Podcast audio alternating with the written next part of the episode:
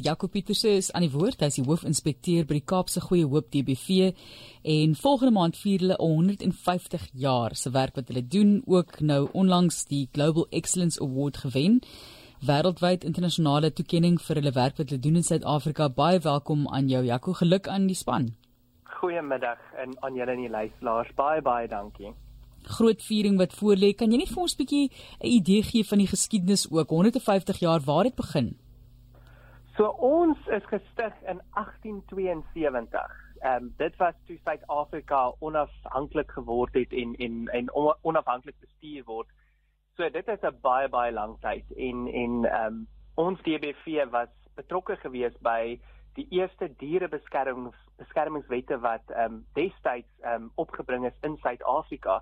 So ons DBV het 'n baie baie groot rol vir die welstand van diere in ons land gespeel met sy stigting wonderlik. Het jy enigstens statistiek van hoeveel honde en katte en ek weet dis nou baie virus nie dit julle nou gered het oor die jare? So ons ons is nou ehm um, jy's besig om eh, 'n uh, totale nommer bymekaar te sit.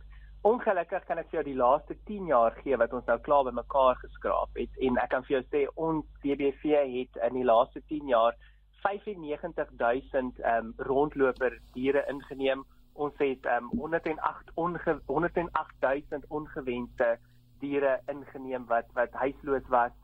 Um, ons hospitaal het oor die 130000 siek en beseerde diere behandel in die laaste 10 jaar.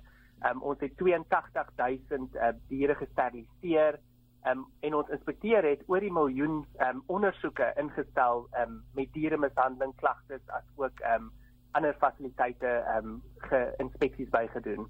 So ons ons het nog 'n groot uh, nommer vir die laaste 10 jaar wat ons al gedoen het.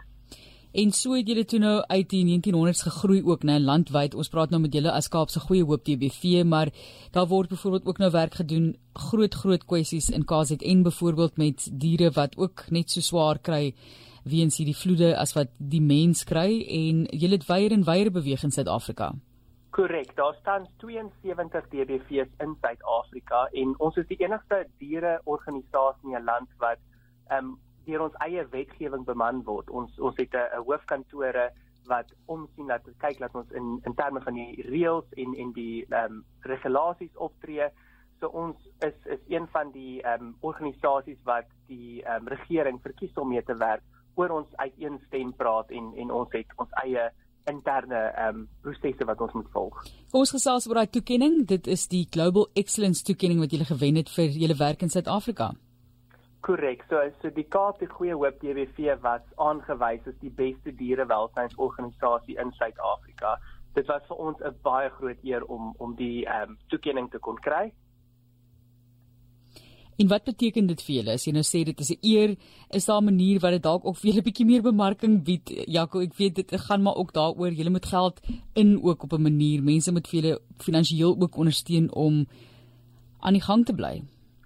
Ek dink die toekenning wys dat Suid-Afrikaners altyd na die DBV draai en opkyk na ons en dat ons hulle um, ondersteuning gaan kry en al um, 72 DBV's in die land um, is nie winsgewend nie. Ons um, reik uit na die publiek vir, vir befondsing en vir daai rede um, met hierdie toekenning wat ons gekry het en al die um, publisiteit wat ons gekry het, vra ons aan, aan die publiek om hulle plaaslike DBV te ondersteun. Ons het julle hulp nodig. Elke DBV, maak nie saak hoe klein of hoe groot hulle is nie, het die publiek se ondersteuning nodig. Kom ons gesels gou oor hoekom jy daai ondersteuning nodig het. Hoe lyk sake by die verskillende takke in Suid-Afrika? Ek weet dit is te veel vir jou om om deur te draf, maar is dinge onder beheer? Is daar groot nood? Daar is 'n groot nood. Baie van die kleiner DBV's reg oor die land sukkel met befondsing.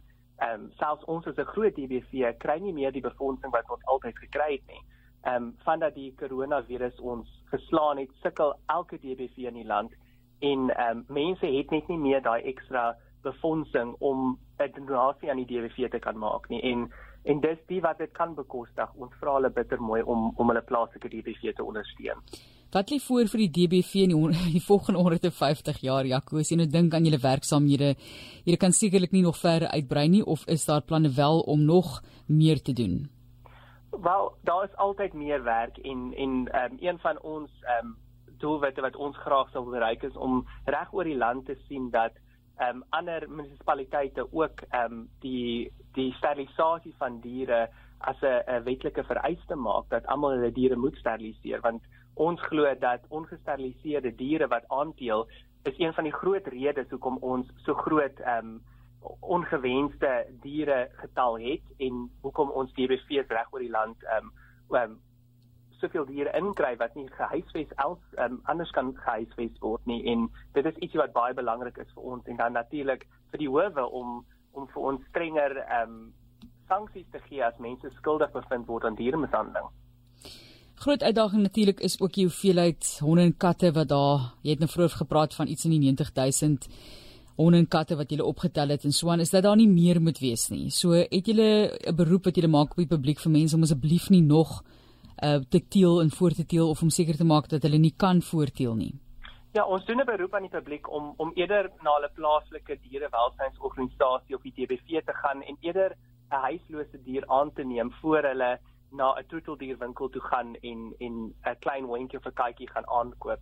En dit is waar ons kan begin en dat mense hulle diere steriliseer. Hier by die KP Goeie Hoop DBV bied ons aan vir mense in ons gemeenskap wat nie kan bekostig om hulle diere te steriliseer nie, om hulle by te staan um, of teen 'n goedkope prys en selfs die wat nie kan bekostig nie, sal dit teen geen koste doen nie. En as almal saam staan en en hulle diere steriliseer, nie nie troeteldierwinkels of teelers ondersteun nie, kan ons dit bereik waar ons op 'n punt kom, ehm um, soos in eerste wêreldlande ehm um, oor see waar hulle nie 'n probleem het met ehm um, rondloper diere en ongewenste diere nie.